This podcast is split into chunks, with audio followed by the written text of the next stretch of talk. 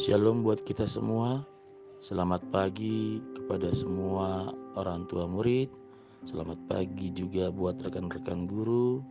Selamat pagi buat semua anak-anak yang terkasih dalam Yesus Kristus.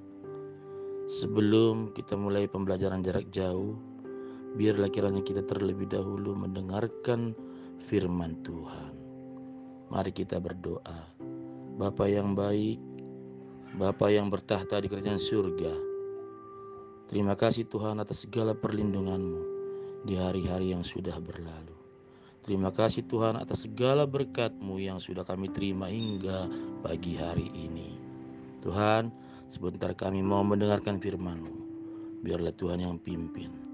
Biarlah kiranya renungan pada pagi hari ini menjadi suatu rema bagi kehidupan kami. Terima kasih Bapak.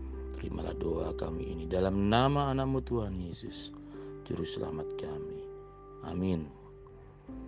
Renungan pada pagi hari ini berjudul Janganlah Takut. Natsnya diambil dari Yesaya 41 ayat 10. Janganlah takut, sebab aku menyertai engkau. Janganlah bimbang, sebab aku ini Allahmu Aku akan meneguhkan, bahkan akan menolong engkau. Aku akan memegang engkau dengan tangan kananku yang membawa kemenangan.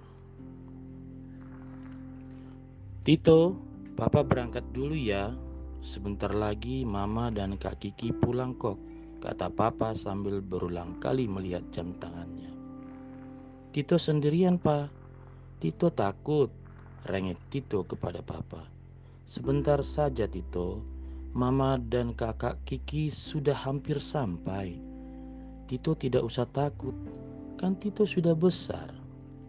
Lagi pula ada Tuhan yang menjaga Tito, kata papa berusaha menenangkan Tito.